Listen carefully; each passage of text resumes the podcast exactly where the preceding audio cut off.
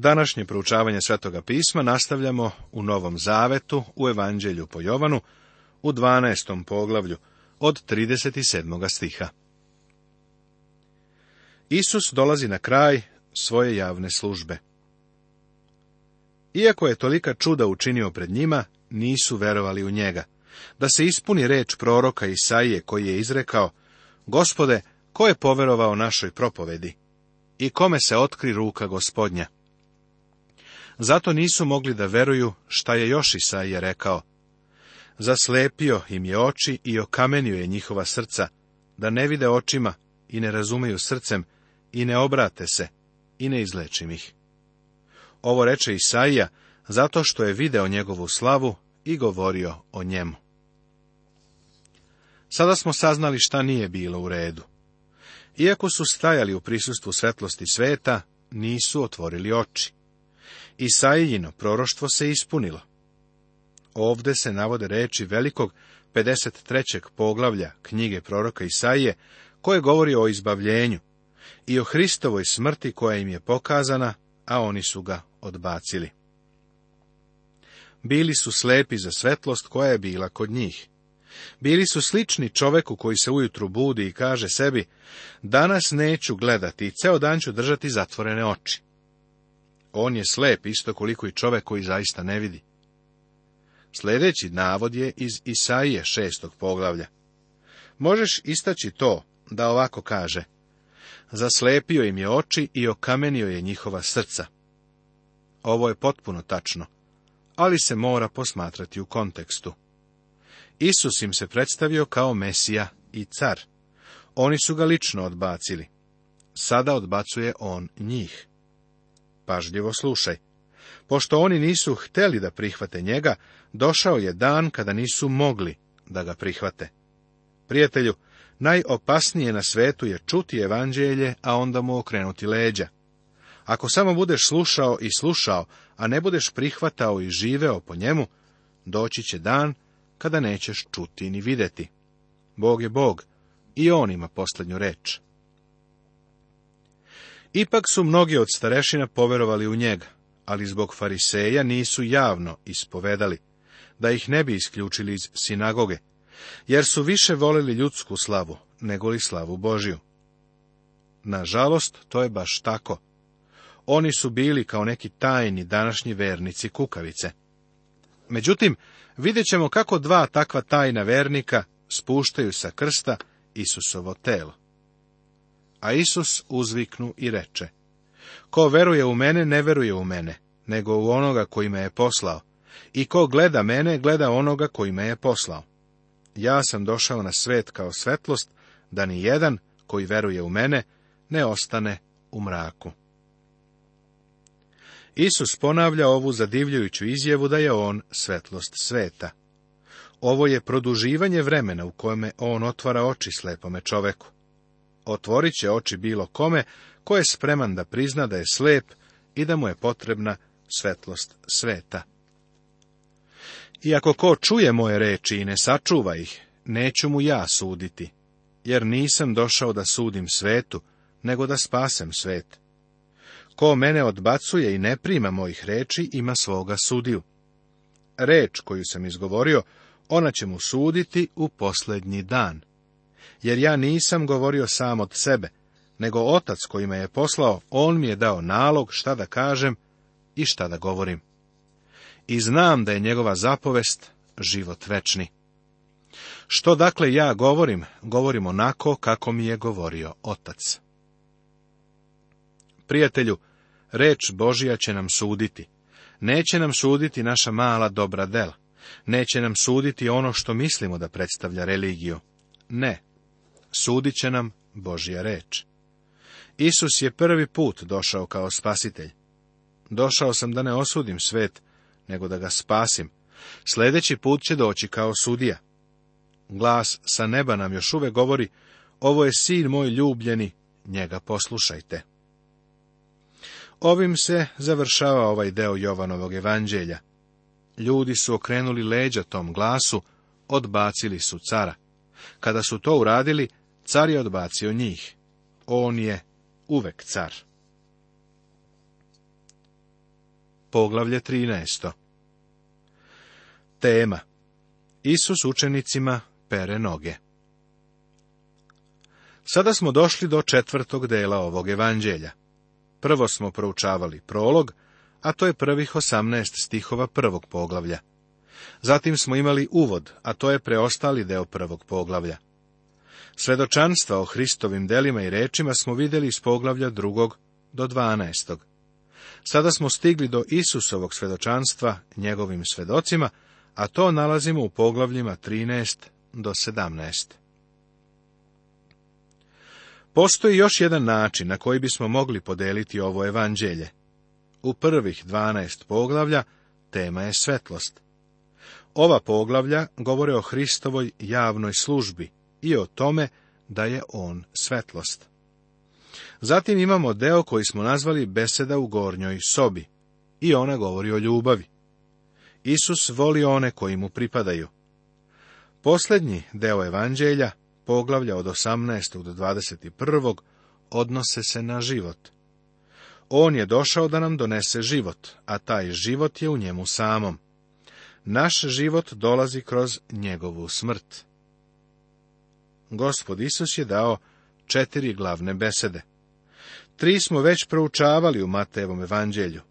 Propoved na gori, Matej 5 do 7, beseda o tajnovitim parobolama, Matej 13, gde ne govori o carstvu nebeskom, beseda na Maslinskoj gori, Matej 24 i 25.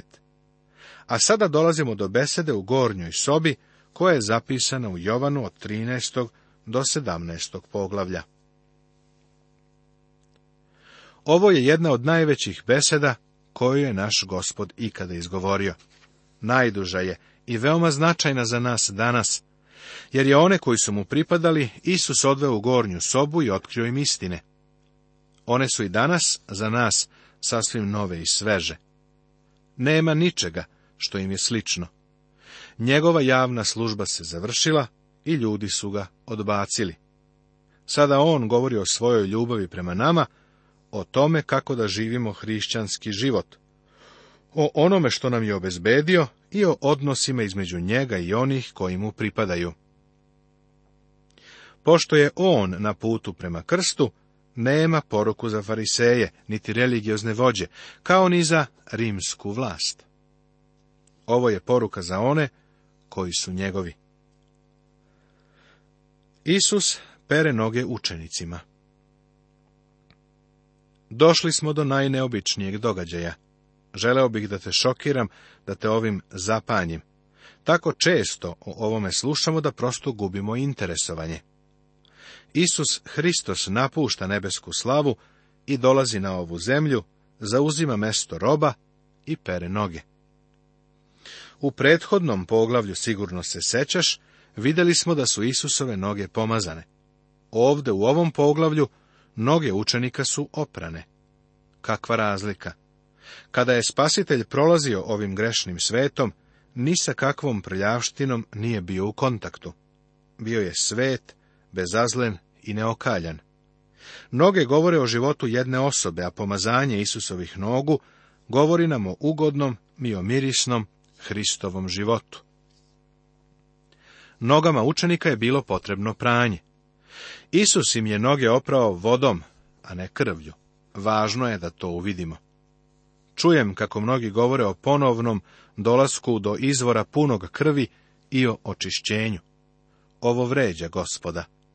Krv Isusa Hrista, Božijega Sina, pere nas od svih greha, prošlih, sadašnjih i budućih, i to odjednom. Samo je jedna žrtva, jedno prinošenje je naime za uvek dovelo do savršenstva one koji se osvećuju. Kada smo ti i ja kao grešnici došli kod gospoda Isusa, njegova prolivena krv nas je jednom zauvek očistila i omogućila da stojimo pred Bogom. Ali, prijatelju, duž našeg puta treba da se prečišćavamo. Dok prolazimo kroz ovaj svet, prljamo se, pa nam je potrebno pranje vidjet ćemo kako je gospod oprao noge učenicima iz vrlo određenog razloga. Naveden je trostruki razlog zbog kojeg je gospod oprao njihove noge, a to ćemo primetiti dok budemo čitali. Pred praznik Pashe Isus, znajući da mu je došao časta pređe iz ovoga sveta ka ocu, pokaza do kraja ljubav prema svojima, koje je ljubio na svom svetu. I prilikom večere kada je već đavo ubacio misa u srce Jude Simonova iz Kariotskog, da ga izda. Isus im je oprao noge, jer je znao da će preći iz ovoga sveta. Njegova služba će se nastaviti kada se vrati u nebo. On se sa svojim narodom poistovetio, pa i danas pere noge učenicima. Kaže da će otići iz ovoga sveta, iz kosmosa, odnosno svetskog sistema, ovo je čovečiji svet, svet greha. To je antibožja i antihristova civilizacija i pod osudom je. Pošto on odlazi sa ovoga sveta, Isus im pere noge. Drugi razlog iz kojeg ovo radi jeste to što je on voleo one koji su njegovi. Voleo ih je do kraja. Sada odlazi ocu jer je voleo one koji mu pripadaju. Umro je da bi spasao svoje, a živi da bi ih održao spasene. Imamo divnog spasitelja. On nas voli sve do samoga kraja. Bog nas voli večnom ljubavlju. Ne možemo ga sprečiti u toj ljubavi. Treći razlog je što je jedna osoba ušla u prostoriju. Bio je prisutan nepozvani gost. Zove se Sotona govorimo o 13 osoba u gornjoj sobi, ali u stvari bilo ih je 14, jer je i Sotona bio tamo. U srce Jude iz Kariotskog Sotona je stavio ideju da izda Isusa. Kad god Sotona uđe u hrišćanski rad, to utiče na ljude, pa Isus mora da ih opere. Isus mora da nas opere ako želimo da imamo zajedništvo sa njim. Zapazi da se ovo dešavalo u toku pashe prilikom večere. Ovo nije gospodnja večera. U stvari Jovan i ne beleži gospodnju večeru. Zašto Jovan propušta tako nešto važno? Mislim da je to zato što u vreme kada je Jovan pisao, već je bilo hrišćana koji su od gospodnje večere pravili ritual. Postoji opasnost od toga da se važnost prida ritualu, a ne ličnosti Isusa Hrista. Važnije je znati Božiju reč nego učestvovati u pričesti. Nema blagoslova u pričesti ukoliko nije prisutno i znanje Božje reči. Jedan moj bivši profesor apologetike je rekao da je Hristos u tvom srcu, a hleb u tvom stomaku. Hleb ti se neće dugo zadržati u stomaku, ali je Hristos u tvom srcu od suštinske važnosti. Mislim da iz ovoga razloga Jovan izostavlja priču o gospodnjoj večeri. Znajući da mu je otac sve dao u ruke, da je od Boga izišao i da Bogu ide. Ovde se ponovo navodi da ono što Isus ovde radi ima određen razlog, zato što se vraća ocu. To je značajno. Usta od večere, skide gornju haljinu, uze ubrus i opasa se. Zatim nasu vode u lavor, pa poče prati noge učenicima i brisati ubrusom kojim je bio opasan. On odlaže svoju odeću, odnosno skida gornju haljinu koju je nosio. Zatim uzima laneni peškir i opasuje se. Ovo što radi je vrlo neobično. Isus zauzima mesto sluge. Opasava se peškirom službe i spreman je da im opere noge. Kroz proučavanje druge knjige Mojsijeve 21. poglavlja saznajemo zakon o robovima. Jevrejski rob je svoga gospodara služio šest godina, a sedme godine je bivao oslobođen i mogao je da ode. Ako se za to vreme oženio i dobio decu, gospodar bi oslobađao njega, ali ne i njegovu porodicu. Međutim, rob je mogao da donese odluku da će ostati. Ako je voleo svoga gospodara i njegovu porodicu, mogao je ostati sa njima. Tada bi ga gospodar doveo do dovratka i probušio mu uho jednim šilom, što ga je obeležavalo kao dobrovoljnog roba za uvek. Iako je mogao da ode i bude slobodan, ostao je zbog ljubavi. Naš gospod Isus je došao na ovu zemlju, uzeo je na sebe ljudsku prirodu i imao je izgled sluge, sve ovo je učinio jer nas je voleo. Mogao je da ode i bude slobodan, ali je umro na krstu da bi nam obezbedio spasenje. Uradio je to da nam uspostavi divno zajedništvo i da nam omogući da to zajedništvo imamo sa njim. Postao je rob, jer nas je voleo.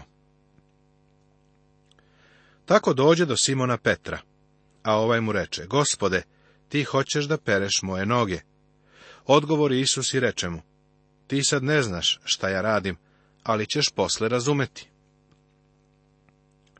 Neki ljudi kažu da je ovo sveta tajna i da treba da praktikujemo pranje nogu.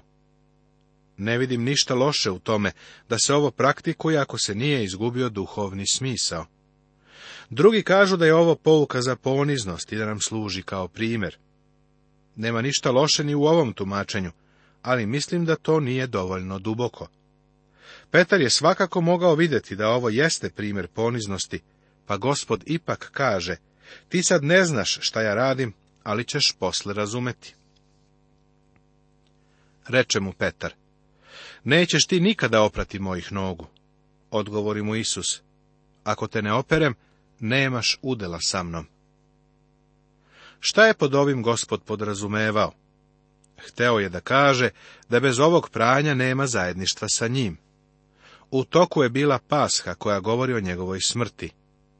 On je ustao sa tog pashalnog praznika, a to govori o njegovom ustajanju u vaskrsenju i o odlasku na nebo. Opasan je peškirom službe i govori nam, ako te ne operem, nemaš udela sa mnom. Bez pranja ne možeš imati zajedništvo sa njim, ni službu sa njim. Kako nas Hristos danas pere? Kako će mladić očistiti put svoj? Vladajući se po tvojim rečima, kaže psalam 119. Vi ste već čisti zbog reči koju sam vam govorio, kaže Jovan u 15. poglavlju. Kao što je i Hristos zavoleo crkvu i samoga sebe predao za nju, da je posveti, očistivši je vodenim kupanjem i rečju, kaže poslanica Efescima, peto poglavlje. Reč Božja održava čistim hrišćanina. A kada pogrešimo, kako se očišćavamo? Ako ispovedamo svoje grehe, on je veran i pravedan da nam oprosti grehe i očisti nas od svake nepravednosti, kaže prva poslanica Jovanova u prvom poglavlju. Suviše ljudi greh olako uzima. Kada ti i ja postanemo neposlušni, onda ne hodamo njegovim putem, to je greh koji mora biti priznat i ispoveđen.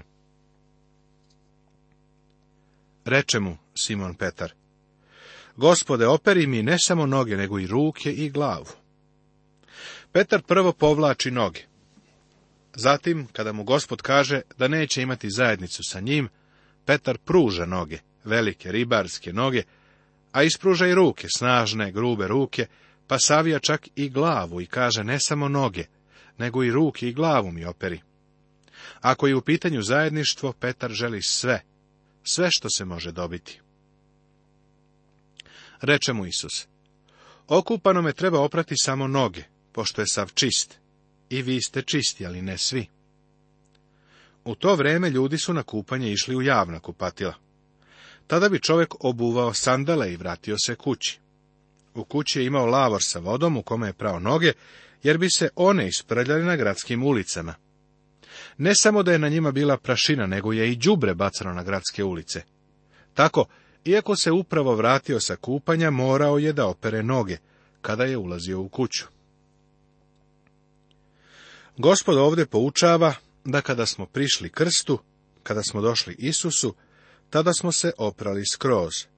To je kupanje luo, obnovljenje. Kada hodamo kroz ovaj svet, prljamo se. Postajemo neposlušni i greh ulazi u naš život. Ne verujem da i jedan hrišćanin prođe kroz jedan dan, a da se makar malo ne zaprlja. Isus nam kaže da sa njim ne možemo imati zajednicu ako smo ukaljani. Tako, pranje nogu, nipto, jeste očišćenje sa ciljem da se obnovi zajedništvo. Ako kažemo da imamo zajedništvo sa njima u tami hodimo, lažemo i ne tvorimo istine. Prijatelju, da bi nam se noge oprale, prvo moramo priznati svoj greh. Priznati ili ispovediti znači složiti se sa Bogom. A ovo znači da ćemo o svom grehu reći isto ono što govori Bog. Jedna od najtežih stvari na svetu jeste privoliti pobožnog čoveka da prizna da je grešnik. Hladnoća, ravnodušnost, nedostatak ljubavi, sve ovo Bog vidi kao greh. Ako priznamo, On je veran i pravedan da nam oprosti. Ali to nije sve. Ako hoćeš da ti operu noge, moraš ih staviti u ruke spasitelja. To je poslušnost. Znao je naime svoga izdajnika, zbog toga je rekao niste svi čisti. Isus je znao da će ga Juda izdati. Znao je da Juda nije okupan. Drugim rečima, Juda nikada nije bio obnovljen. Zato je Isus rekao da nisu svi čisti. Nastavit će se.